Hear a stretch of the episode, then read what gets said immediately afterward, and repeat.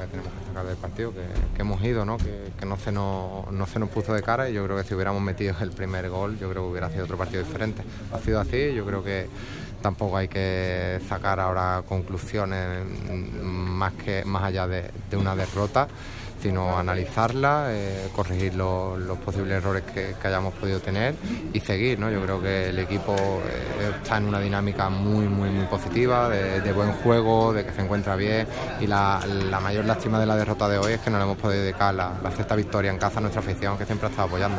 Lectura positiva sobre el partido y como decías ahora un poco también por la situación, porque venís ahora con dos, dos derrotas consecutivas, pero eh, seguís estando ahí arriba, es decir, que, y como tú decías, contentos en, en líneas generales con el juego que está practicando el equipo. Esto nos puede hacer venir abajo.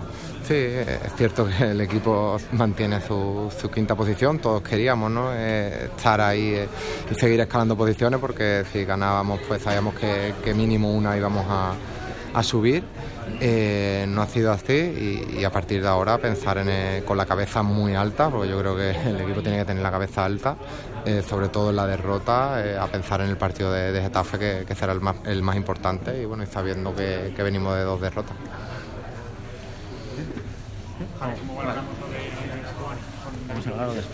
Bueno, eh, pues no he visto todavía la, jugada por, la televisión, pero es cierto que bueno que ya había habido alguna que otra que otro rifirrafe entre él de bueno más que rifirrafe acciones del juego fortuitas que, bueno que en este caso pues el perjudicado siempre ha, sido David ¿Por qué el VAR no entra en estas acciones?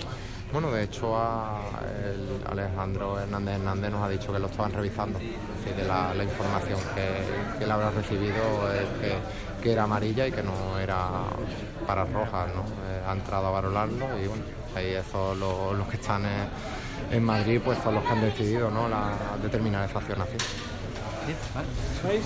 Fins aquí.